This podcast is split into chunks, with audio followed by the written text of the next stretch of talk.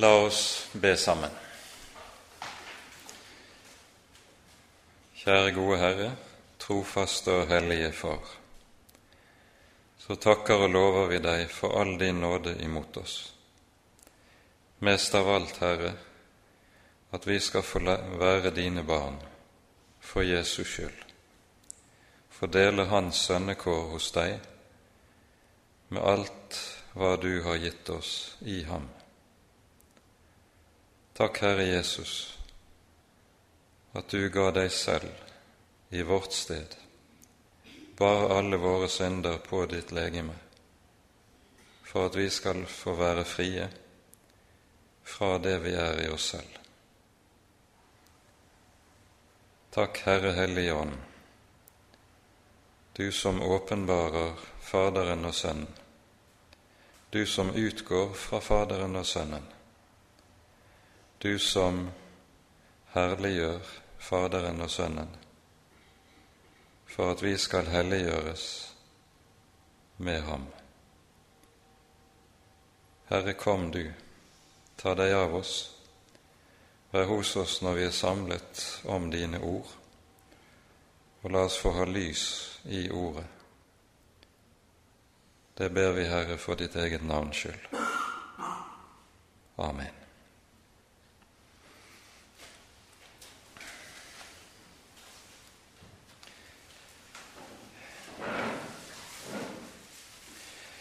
Når vi nå skal være samlet rundt Jakobs brev, så er det slik at Jakobsbrevet det er det første av de såkalte katolske brevene i Det nye testamentet.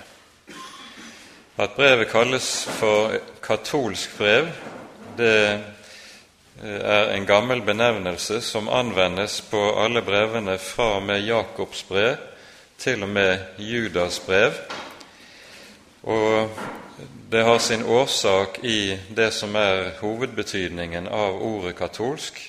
Det betyr allmenn eller alminnelig. Og Grunnen til at disse brevene har fått uh, denne betegnelsen, det er at eh, Paulusbrevene, i motsetning til disse, de har alle en bestemt adressat. De er rettet enten til bestemte menigheter eller til personer, mens disse brevene de er stilet til mange menigheter eller til hele kristenheten som fellesskap. Altså de har en allmenn adresse, og derfor kalles de altså for katolske brev, allmenne brev. Jakobsbrevet det er et brev som eh, det har vært en del tvil om hvorvidt det skulle høre til kanon, altså høre med til de skrifter i Det nye testamentet som skal regnes som hellig skrift. Luther vil det være kjent for mange av dere, kanskje, kalte i sin eh, første utgave av oversettelsen av Det nye testamentet, så kalte han Jakobs brev for en halmepistel. Han sier at hans hjerte ikke fant seg til rette med det budskapet som vi finner i Jakobs brev, fordi det for han da syntes å stå i rak motsetning til Paulus sin undervisning om rettferdiggjørelsen av tro, slik vi særlig finner den i Galaterbrevet og i Romerbrevet. Derfor var han eh, meget eh, spørrende til hvorvidt Jakobs brev skulle kunne kalles for hellig skrift. Eh, her stiller Luther seg på linje med en eh, teologisk eh, avklaringsarbeid som man hadde eller finner allerede i Oldkirken. Når vi kommer til 300-tallet, så er det regnes Jakobs brev som utvilsomt, et utvilsomt nytestamentlig skrift, som noe som skulle høre med til og regnes til den nye pakts hellige skrifter. Men før denne tid ser vi at det er en del tvil om hvorvidt brevet skal regnes som ekte. Grunnen til dette er antagelig at brevet har vært stilet til Det ser vi i det første verset i, i brevet det har vært stilet til jødekristne menigheter i Midtøsten og muligens i Lille-Asia. Og det er her, i de jødekristne menighetene, brevet først og fremst har vært kjent. Derfor ser vi at eh, når vi finner den første syriske utgaven av eh, Bibelen og Det nye testamentet, eh, den såkalte eh, Peshitta, som den kalles. Eh, den, eh, denne oversittelsen foreligger antagelig allerede rundt år 150.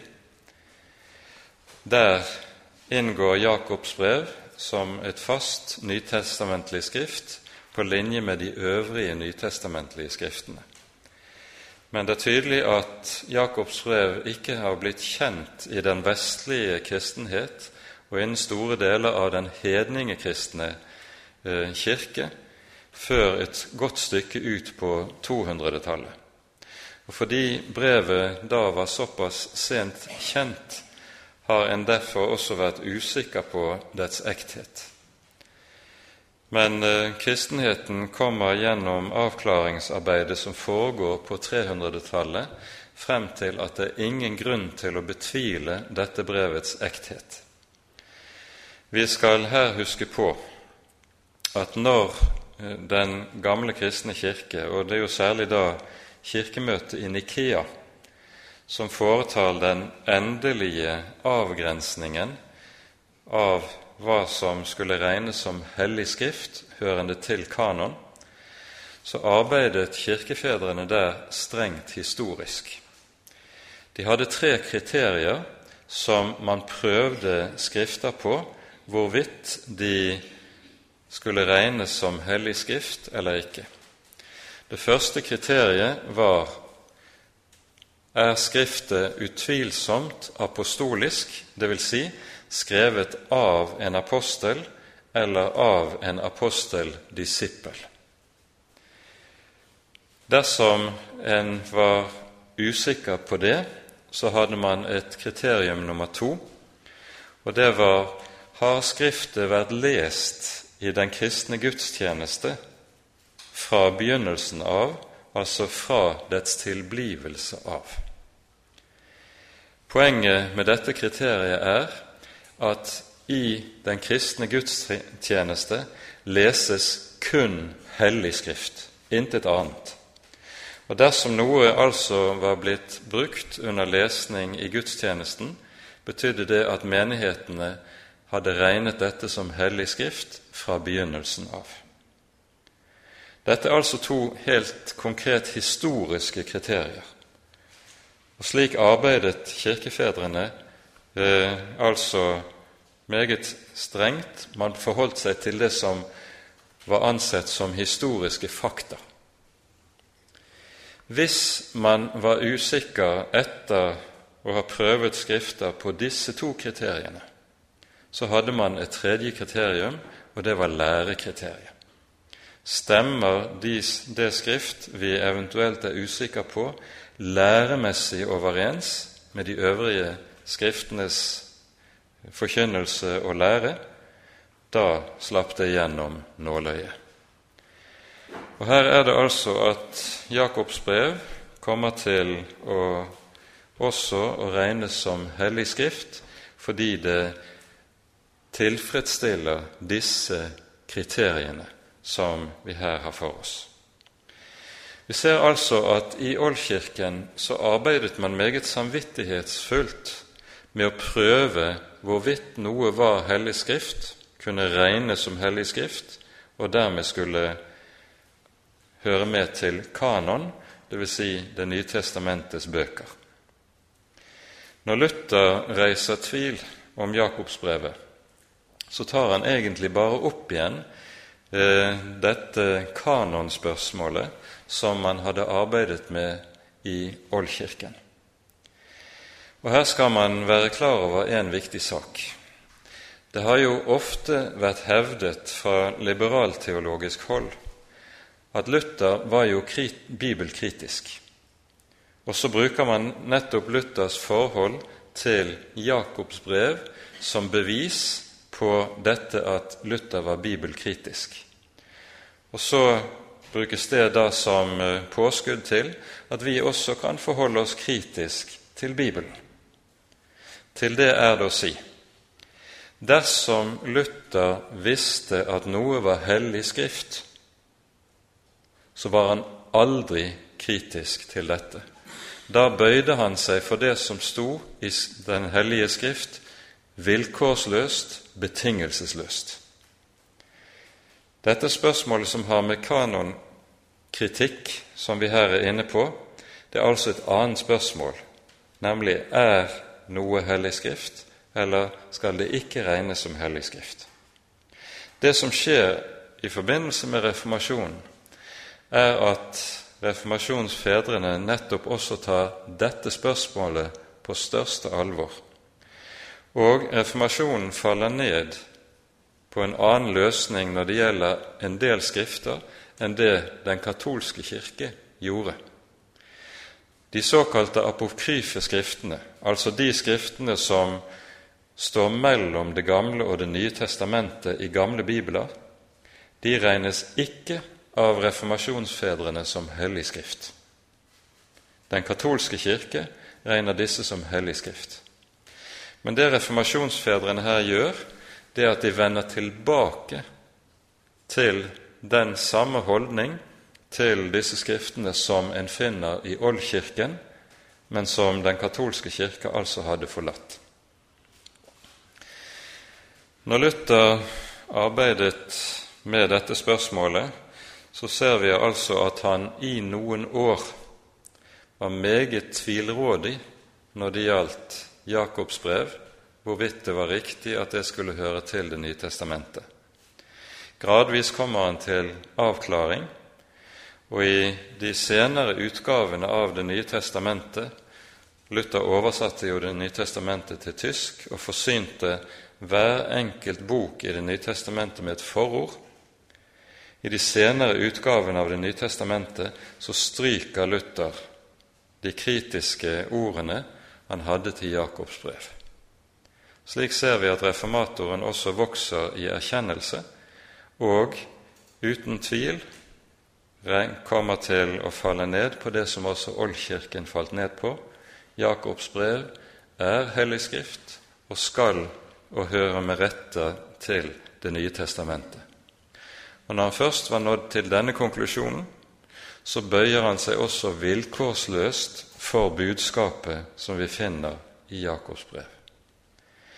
Men vær oppmerksom på hvordan liberal teologi kan misbruke Luthers kanonkritiske spørsmål som påskudd til å forholde seg kritisk til Bibelens budskap for øvrig. Det er misbruk av Luther når dette skjer. Det er ikke uttrykk for det som er Luthers holdning til Bibelen. For når, noe, når Luther visste at noe hørte til Bibelen, var Hellig Skrift, da bøyde han seg for det. Akkurat som også vi skal gjøre det samme. Hvem er så den Jakob som er forfatter til dette brevet? I Det nye testamentet møter vi tre personer som bærer dette navnet Jakob. Den første er apostelen Johannes' bror. Jakob og Johannes er Sebedeus' sønner. Jakob, Johannes' bror, kommer til å lide martyrdøden meget tidlig. Det leser vi om i apostlenes gjerninger i det tolvte kapittel, i de par første versene der, så hører vi at Herodes Antipas tar livet av Jakob for å være jødene til behag.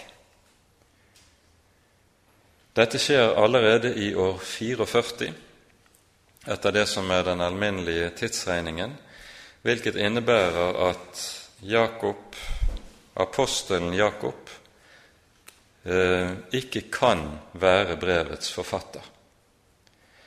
Dernest hører vi om en annen Jakob som også hørte med blant de tolv, Jakob, Alfeus' sønn.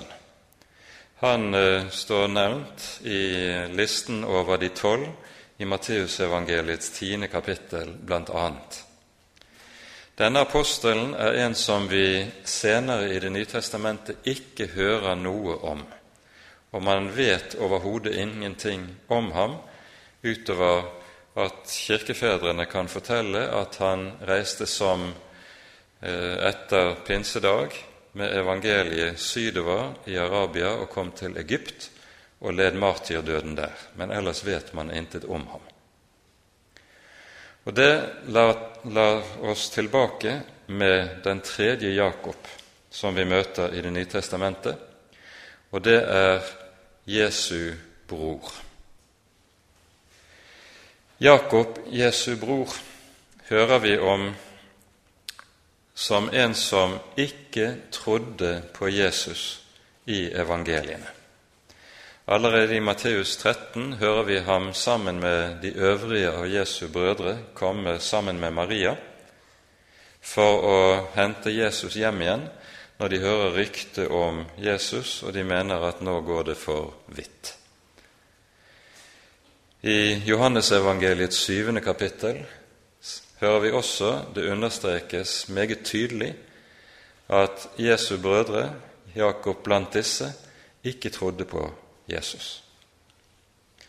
Men når vi kommer til apostelgjerningene 1, altså etter oppstandelsen, da nevnes Jakob blant de som sammen med Maria tror på Jesus, regnes sammen med de 120 som holder til i den øvre sal. Og I 1. Korinterbrevs 15. kapittel der vi i de ti-elleve første versene i kapittelet hører om hvorledes Jesus etter oppstandelsen åpenbarer seg for mange ulike, for Peter, for de tolv, for 500 brødre på en gang, sies det sågar i en sammenheng. Så sies det også at han åpenbarte seg for Jakob, sin bror. Altså Jesus har på særlig måte åpenbart seg for sin bror Jakob etter oppstandelsen. Og Det er antagelig dette som har ført til et troens gjennombrudd for denne hans bror, som før var vantro. Jakob, Jesu bror, kom til å få en meget sentral stilling i menigheten i Jerusalem. Han blir, eh, etter at Peter har eh, forlatt Jerusalem pga. forfølgelser, så det er han som blir leder for menigheten i Jerusalem. Og Vi hører ham omtalt ved en rekke anledninger i menigheten der. Vi skal lese et par avsnitt eh, fra apostelgjerningene der vi møter nettopp Jakob Jesu bror. Første sted er i apostelgjerningene 15.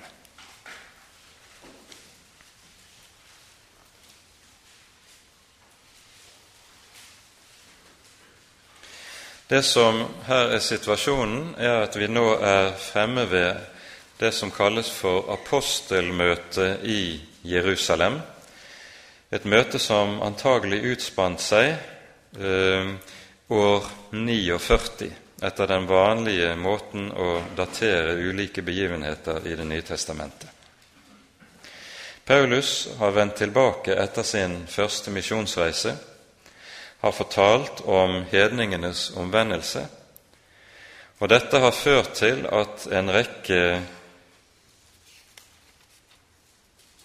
av de som hørte til fariseerne, men hadde tatt ved den troen på Jesus, de reiser seg og protesterer. De forlanger at eh, hedningene også skal omskjæres og pålegges å overholde hele Mose lov dersom de skal kunne regnes som fullverdige kristne. Nettopp dette har jo Paulus ikke eh, pålagt hedningene. Dette er noe av hovedtemaet i Galaterbrevet, som vi har gjennomgått ved en tidligere anledning. Vi leser fra vers 5.: Det reiste seg noen av fariseernes parti som hadde tatt ved troen, og de sa:" De må bli omskåret, og en må pålegge dem å holde hele Moselov. Apostlene og de eldste kom da sammen for å overveie denne sak, og det oppsto et skarpt ordskifte. Unnskyld, kapittel 15. Beklager. Det er kapittel 15. Vi hører altså at det her oppstår et skarpt ordskifte, hvorpå Peter tar ordet og forteller om hvorledes han forkynte evangeliet i Kornelius' hus, og Gud ga hedningene Den hellige ånd uten at de først var omskåret. Og så er det etter dette at nettopp Jakob, som menighetens leder, tar ordet. Vi leser fra vers 13. Etter at de hadde talt, tok Jakob til orde og sa:" Brødre, hør på meg. Simon har fortalt hvordan Gud fra først av sørget for å ta ut av hedningene et folk for sitt navn. Og med dette stemmer profetenes ord overens, som det står skrevet:" Deretter vil jeg vende tilbake og igjen oppbygge Davids falne hytte. Den nedbrutte den vil jeg igjen oppbygge, og jeg vil gjenreise den. For at resten av menneskene skal søke Herren, ja, alle hedningefolkene som mitt navn er blitt nevnt over. Så sier Herren som gjør dette. Og Jakob siterer her fra Amos 9. Og så fortsetter Jakob med å si:" Derfor mener jeg at vi ikke skal gjøre det vanskelig for dem av hedningene som omvender seg til Gud, men vi skal skrive til dem at de skal avholde seg fra det som er smittet av avgudene, fra hor og fra det som er kvalt, og fra blod. For Moses har fra gammel tid av noen som forkynner ham i hver by, og han blir opplest i synagogen hver sabbat. Og Dette som Jakob nå legger frem, det blir også vedtatt i menigheten. Man sender brev rundt til de hedninge kristne med oppmuntrende ord. De behøver ikke å omskjæres, de behøver ikke å overholde hele Moselov slik som jødene gjør det, men de skal avholde seg fra bestemte ting som her nevnes avgudsdyrkelse, hor, dyr som er kvalt, altså dyr med blod i, og når det sies blod til slutt, så kan det bety blodsutgytelse. Altså vold var noe som var ganske vanlig blant hedningene, men som ikke skulle anvendes blant de troende. Her ser vi hvorledes Jakob har meget stor innflytelse i menigheten i Jerusalem og nettopp i apostelkollegiet som her er samlet. Og Dette blir retningsgivende for den videre hedningmisjon. Hadde dette vedtaket ikke blitt fattet i Jerusalem, så var den kristne menighet forblitt en jødisk sekt, en jødisk undergruppe. Med dette så blir den kristne menighet så å si løsrevet fra jødedommen som religion og blir stående på egne ben som en selvstendig religion, forstå meg rett. Jakob møter vi også igjen i det 21. kapittel i apostlenes gjerninger. Det er et meget interessant avsnitt. For her møter vi nettopp noe av det som utgjør også bakgrunnen for det vi leser i Jakobs brev. I det 21. kapittel hører vi igjen om at Paulus kommer tilbake til Jerusalem nå etter sin tredje misjonsreise. Ehm, og vi leser fra vers 18. Neste dag gikk Paulus med oss til Jakob, og alle de eldste kom dit. Da han hadde hilst på dem, fortalte han hva Gud hadde gjort blant hedningene ved hans tjeneste, det ene etter det annet. Da de hørte det, priste de Gud. Så sa de til ham, Du ser, bror, at mange tusen blant jødene er kommet til troen, og alle er de nidkjære for loven. Men nå har de hørt om deg, at du lærer frafall fra Moses blant de jøder som lever ute blant hedningene, og sier at de ikke skal omskjære sine barn eller følge de gamles skikker. Hva er det da å gjøre? En stor mengde kommer til å samles, for de vil få høre at du er kommet hit. Gjør derfor som vi sier til deg. Vi har fire menn her som har et løfte på seg. Ta dem med, med deg og la dem rense seg sammen med dem. Betal du omkostningene for dem, så de kan få raket hodet. Da vil alle skjønne at det ikke er noe i det som de har hørt om deg, men at du selv lever slik at du holder loven. Men når det gjelder de hedninger som er kommet til troen, har vi sendt brev og vedtatt at de ikke skal holde seg til noe slikt, men bare ta seg i vare for avgudsoffer og blod og det som er kvalt og hor. Og så gjør altså Paulus som det her blir foreslått. Poenget i det vi her hører, det er at det tydelig foreligger et skille mellom jødekristne og hedningekristne i den gamle kristne menighet. De jødekristne, menigheten i Jerusalem og andre jødekristne menigheter, de fortsetter nøye å overholde Moseloven. Det gjør Jakob, det gjør de jødekristne, og det gjør Paulus for sitt eget vedkommende. Loven, Moselov, var gitt til det jødiske folk. Men hedningene skal ikke pålegges å overholde loven på samme måte som de jødekristne.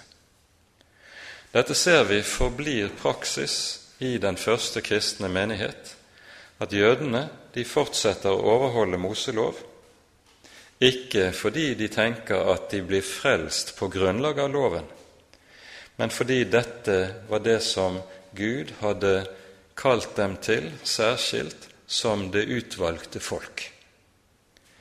Hedninge, de hedningekristne på den annen side, de pålegges ikke de samme forpliktelser som de jødekristne. Og Når vi leser Paulus' formaninger i Det nye testamentet, så er de i alt vesentlig rettet til de hedningekristne og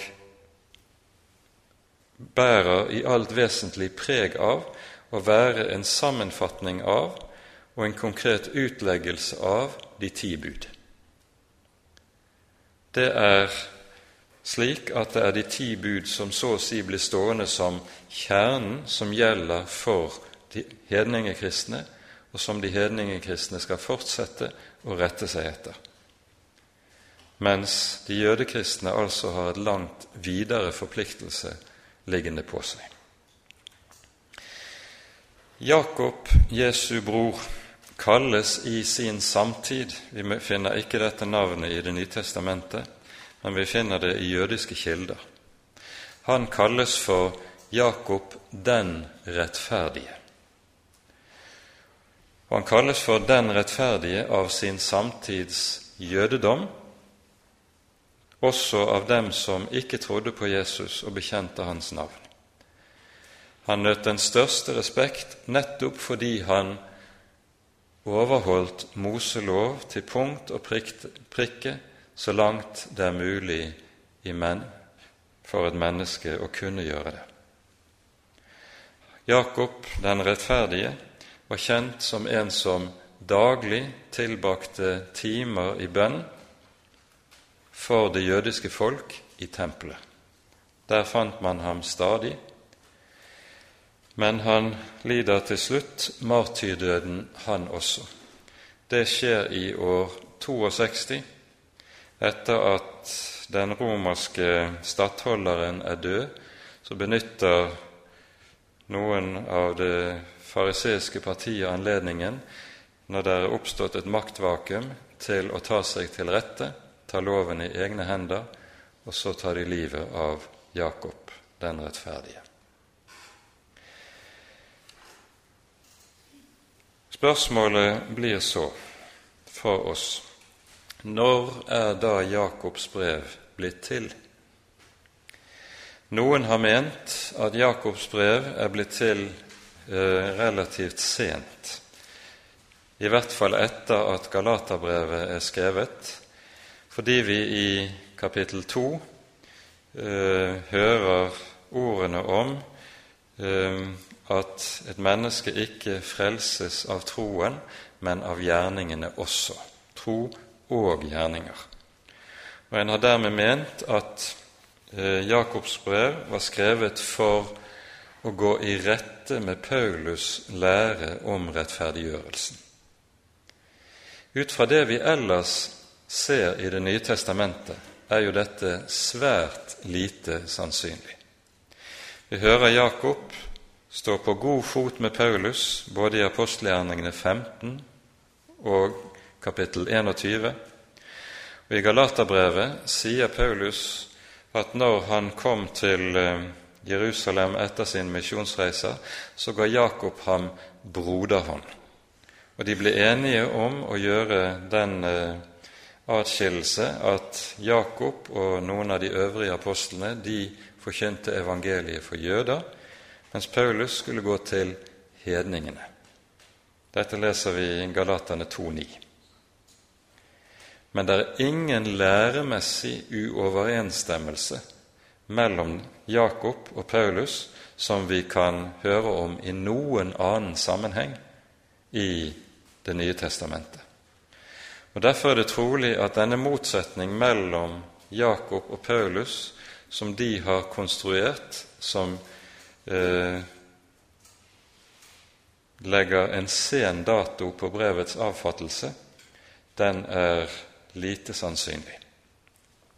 Mer trolig er det at brevet er forfattet før år 49, altså før apostelmøtet i Jerusalem, fordi det ikke inneholder noen henvisning til dette møtet. Apostelmøtet i Jerusalem var så viktig at dersom eh, brevet var skrevet etter dette, så ville det være meget rimelig at dette møtet, eller noe av dets vedtak, var omtalt i Jakobs brev. Når så ikke er tilfellet, er det sannsynlig at brevet er forfattet før år 49. Og Dette er også den oppfatning de fleste nytestamentlere har i dag. Hvis dette er tilfellet Dette er jo teorier det er ting man ikke vet, man har ikke faktiske historiske data på dette. Man må lese ut av sammenhengen i Det nye testamentet, hvordan, hvilken retning den peker, og dra slutninger av det. Men hvis dette er riktig, så betyr det at Jakobs brev er det eldste skriftet vi finner i Det nye testamentet. Det er det skriftet som går forut også for alle Paulus sine brever.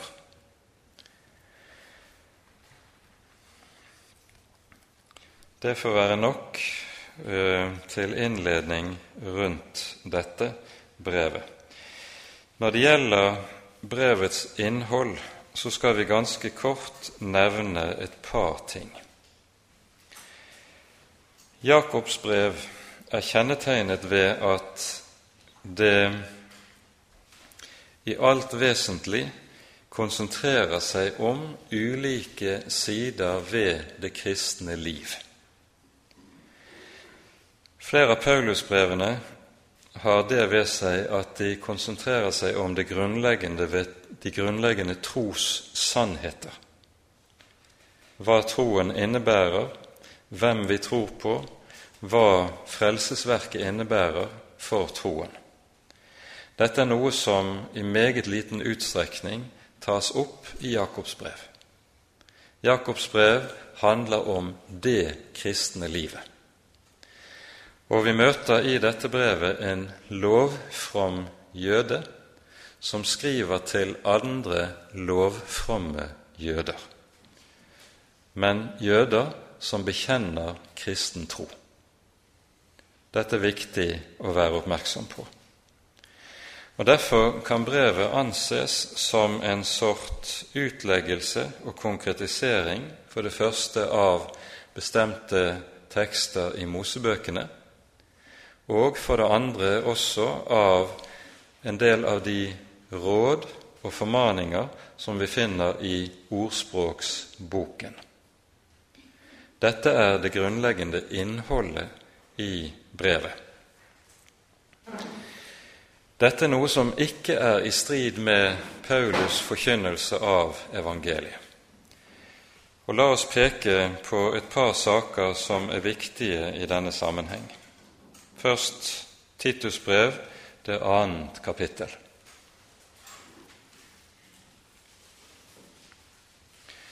I Titus 2 hører vi Paulus gi en sammenfatning av evangeliet og av evangeliets virkning i versene fra vers 11. Det står For Guds nåde er åpenbart til frelse for alle mennesker. Denne opptukter oss til å fornekte ugudelighet og de verdslige lyster og til å leve sedelig og rettferdig og gudfryktig i den verden som nå er, mens vi venter på det salige håp og åpenbaringen av den store Guds og vår Frelser Jesu Kristi herlighet.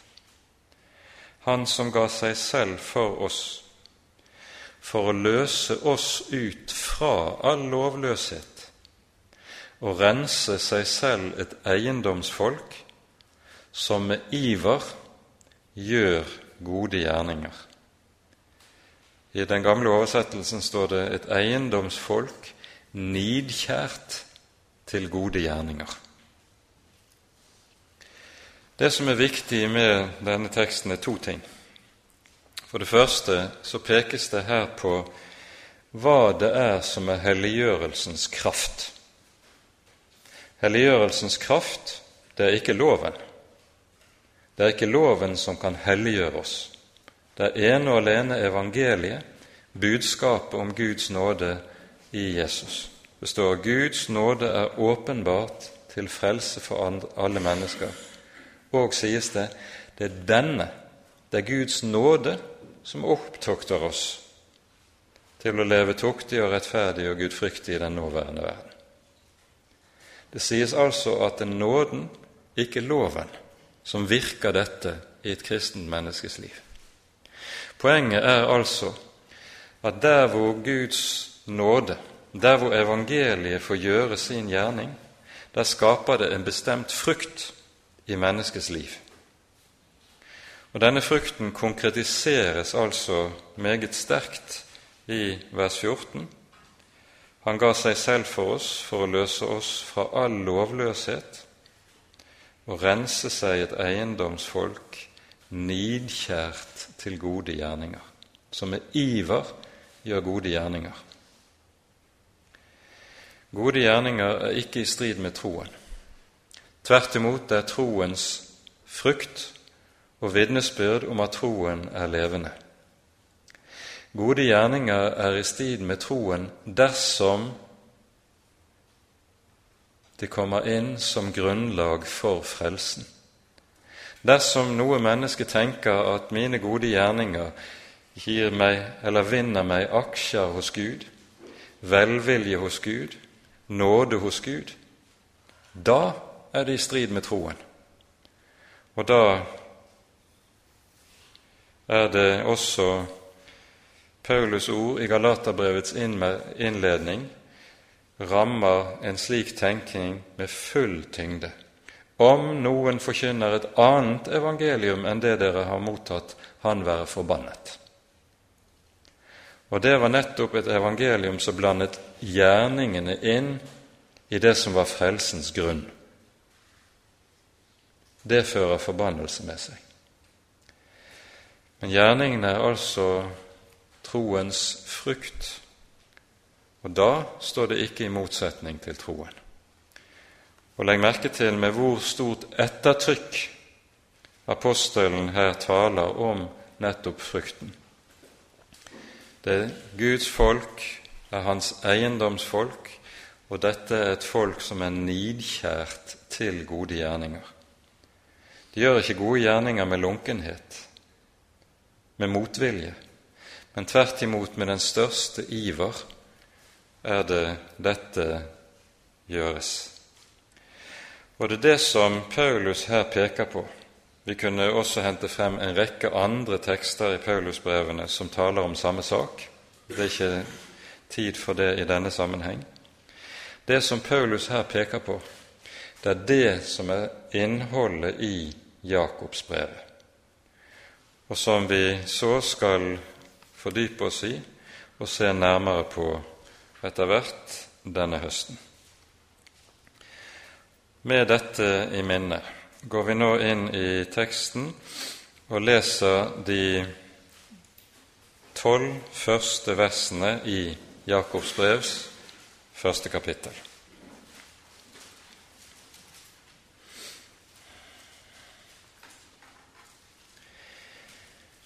Jakob, Guds og Herren Jesu Kristi tjener, hilser de tolv stammer som er spredd omkring i landene mine brødre, akt det for bare glede når dere kommer i mange slags prøvelser. For dere vet at når troen blir prøvet, virker den tålmodighet. Men tålmodigheten må føre til fullkommen gjerning, så dere kan være fullkomne og hele og ikke komme til kort i noe. Men om noen av dere mangler visdom, da må han be til Gud, for Gud gir alle, villig og uten bebreidelse, og så skal han få den. Men han må be i tro, uten å tvile, for den som tviler, ligner en bølge på havet, som drives og kastes av vinden. Ikke må et slikt menneske vente å få noe av Herren, slik en tvesinnet mann, ustø på alle sine veier. Den ringe bror skal rose seg av sin høyhet, men den rike av sin ringhet, for han skal få gå som blomsten på gress. For solen stiger med brenn, sin brennende hete, gresset visner, blomsten faller av, og den skjønnhet blir til intet. Slik skal også den rike visne bort på sine veier. Salig er den mann som holder ut i fristelse. For når han har stått sin prøve, skal han få livets krone, som er lovet dem som elsker ham. Og vi stanser der foreløpig. Vi rekker vel knapt dette og se nærmere på det. Jakob presenterer seg med den tittelen som i Bibelen er en hederstittel. Guds og Herren Jesu Kristi tjener, sier han.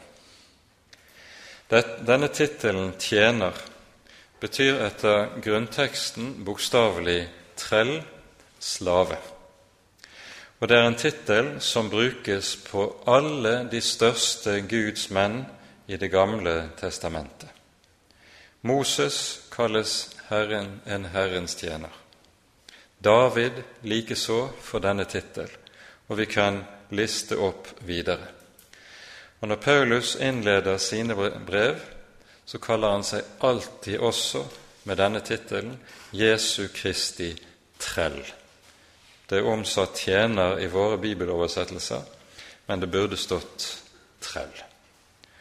For dermed så kommer det klarere frem det som er saken, nemlig det som kjennetegner trælen, det er at han eier ikke seg selv. Han er eiet av en annen. Når Paulus og Jakob bruker dette som betegnelse på seg selv, så sier de 'Jeg tilhører Jesus Kristus'. Han eier meg. Jeg eier ikke meg selv. Jeg er ikke min egen herre. Livet mitt er ikke min egen sak og står ikke til min disposisjon. Jeg tilhører Jesus. Og når Jesus eier meg, så vet han også å dra omsorg for meg, ta seg av meg i alle ting. Hva ditt er, hegner du omkring, synger vi i en salme. Når vi eier noe, så passer vi på det hvis det har noen verdi for oss. Og Når Jesus eier oss som sine tjenere, så eier han oss som noe som er uendelig verdifullt i hans øyne. Han har jo gitt livet sitt for at jeg skal få lov til å høre ham til. Det er ikke noen billig pris som er betalt for at så skulle bli saken. Og nettopp fordi du og jeg slik blir, er dyrebar i Jesu øyne, så hegner han også om sine tjenere, sine barn. Vi er Jesu eiendom. Poenget med denne trellbetegnelsen er altså at den understreker først og fremst tilhørighetsaspektet, ikke gjerningsaspektet. Når vi bruker eh, ordet 'tjener', så tenker vi alltid på tjenesten som skal utføres, gjerningene som skal gjøres. Men med betegnelsen 'trell' så understrekes primært tilhørigheten. Og det sies alt i livet hører ham til som er Herre. Det er intet i livet som ikke hører ham til. Slik er Jakob Jesu Kristi tjener, slik er Paulus det, og slik er dypest sett hvert kristent menneske Jesu Kristi trell. Vi har ikke noe i våre liv om hvilket vi kan si 'dette er mitt', det har Jesus ingenting med å gjøre. Tvert om, alle ting i livet hører inn under ham, og derfor handler det kristne livet om at troen så å si skal integreres i alle forhold som jeg lever i og lever under. Troen skal integreres i alle sider av personligheten og alle sider av livet. Intet kan jeg holde for meg selv, intet kan jeg si til Jesus. Dette har ikke du noe med å gjøre.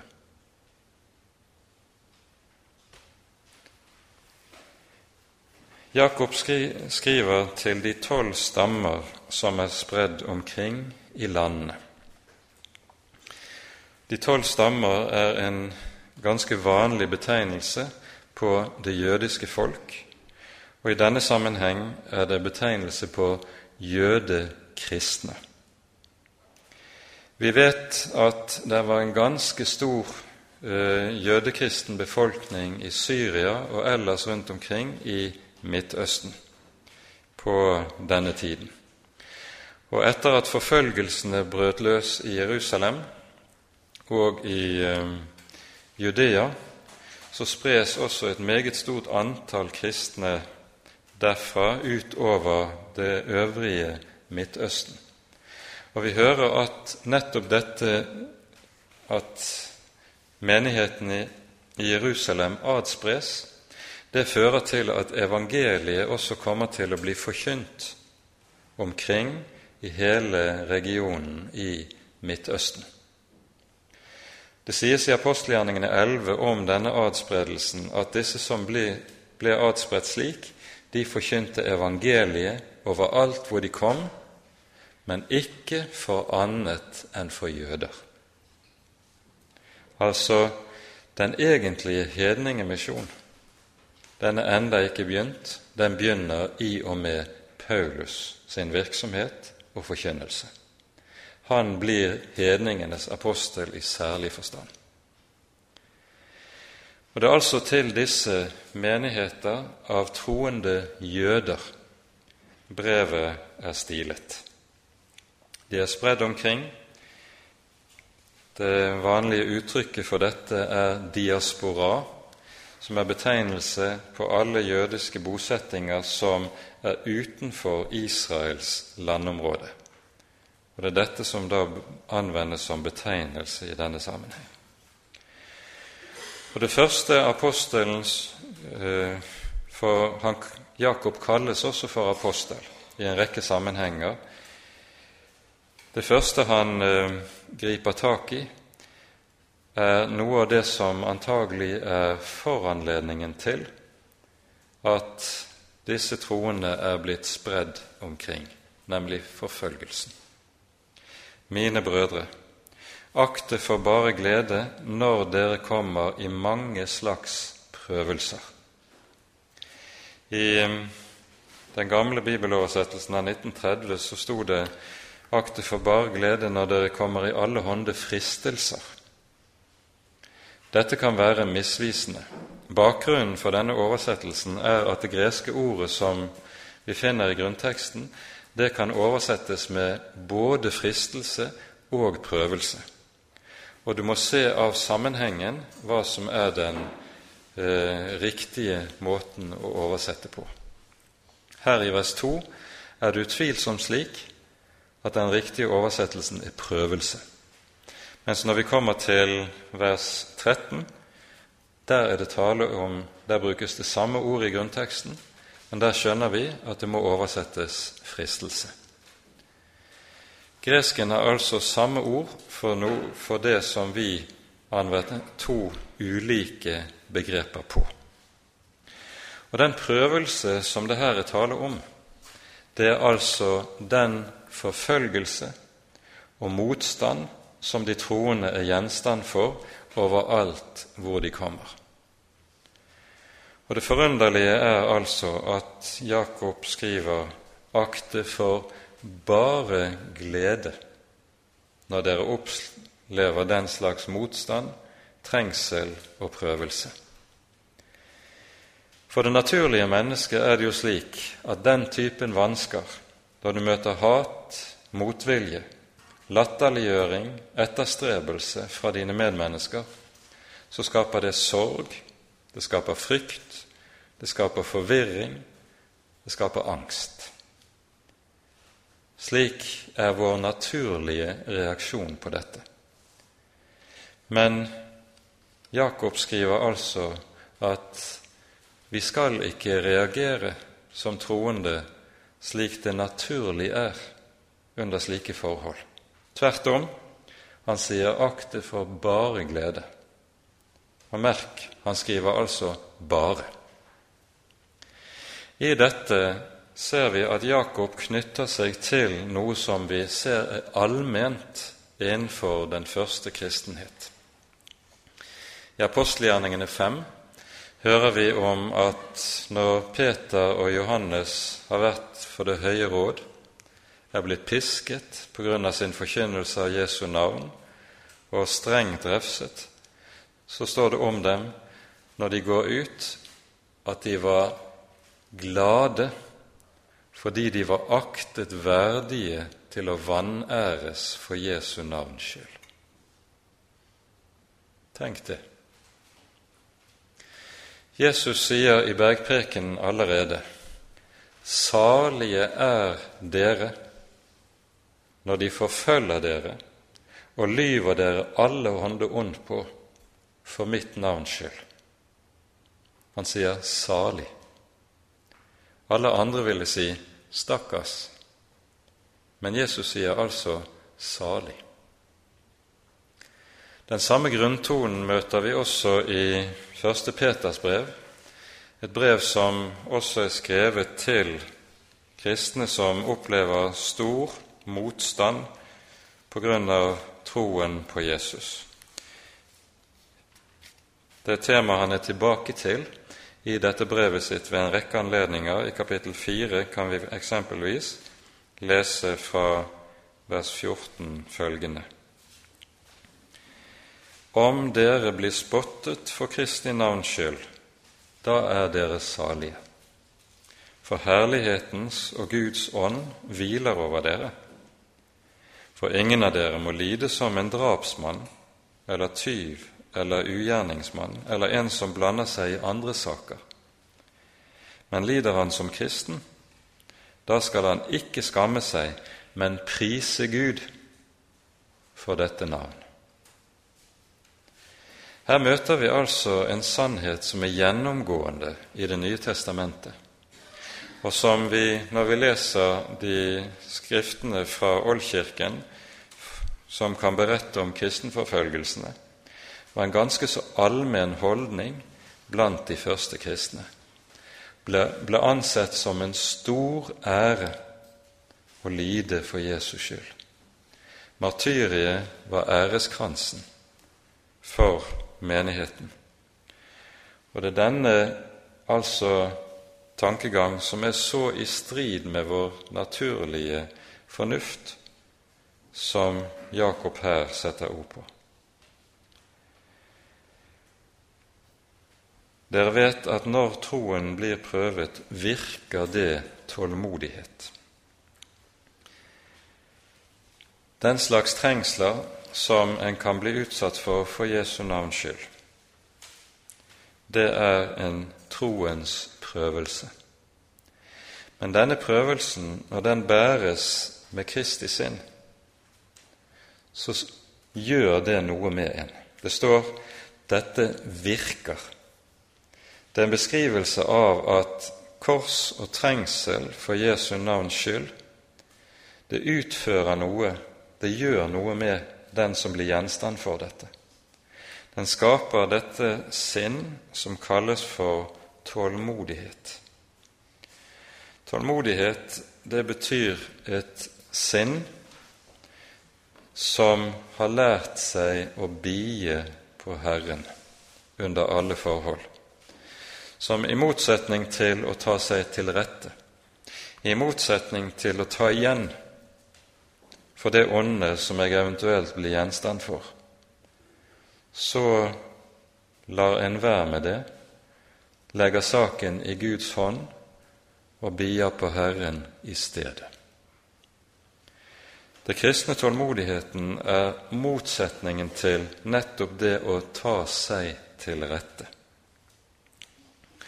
Og så kommer fortsettelsen, men tålmodigheten må føre til fullkommen gjerning så dere kan være fullkomne og hele og ikke komme til kort i noe. Og Det ser ut til at vi må stanse med det verset. Vi kommer ikke lenger enn det. Når det her brukes uttrykket 'fullkommen gjerning', så betyr det ikke en gjerning som er fullkommen etter loven. For det vil våre gjerninger aldri være så lenge vi er, lever her i tiden. Det dette uttrykket i stedet sikter til, er det motsatte av det som heter tvesinnethet. Det tvesinnede hjertet, det tvedelte hjertet, er noe av den største fare for oss som troende mennesker. Jesus advarer mot i bergprekenen, i en annen sammenheng riktignok, men det er samme grunnleggende sak han taler om. Ingen kan tjene Gud og mammon. Han sier ikke 'ingen bør tjene Gud og mammon', men han sier 'ingen kan'. Men vår gamle natur er gjerne slik at vi prøver å tjene to herrer. Vi forsøker oss på den måten, for på denne måten også å kunne spare det gamle mennesket, at gamle Adam skal ha det litt grann behagelig, i hvert fall.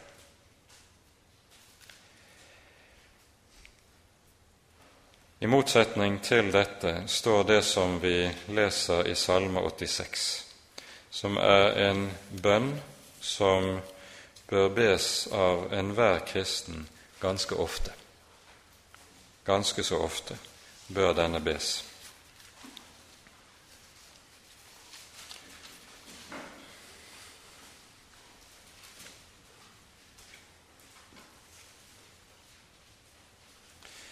I vers 11 leser vi følgende.: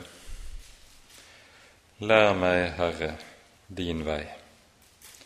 Jeg vil vandre i din sannhet. Gi meg et udelt hjerte til å frykte ditt navn. Dette er noe som en troende trenger å utbe seg fra Herren. Vi leser også i Salme 51 om hvorledes David ber med tanke på sitt eget hjerte.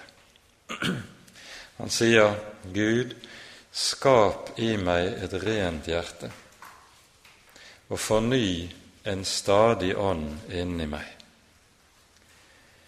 Vi skal be for mange ulike forhold i livet. Vi skal be for hverandre, for menigheten, det er så mange ting som vi trenger å be om, og skal få lov til å be om. Men denne bønn når det gjelder en selv, er ganske avgjørende. For den er også med på å hjelpe oss til å ha øye for noe av det som er avgjørende for oss i det kristne liv. Og vi minner om disse ordene igjen. Lær meg, Herre, din vei. Jeg har nemlig, nemlig slik at jeg stadig ønsker å gå min vei, mine egne veier. Lær meg, Herre, din vei. Jeg vil vandre i din sannhet. Gi meg et udelt hjerte til å frykte ditt navn. Nettopp trengsler og prøvelser som Jakob er inne på i sitt brev, er en del av Guds måte å oppfylle og besvare denne bønnen på. Vi skal tale mer om det neste gang. Nå tror jeg vi har brukt tiden vår. Ære være Faderen og Sønnen og Den hellige ånd, som var og er og være skal, en sann Gud, høylovet i evighet. Amen.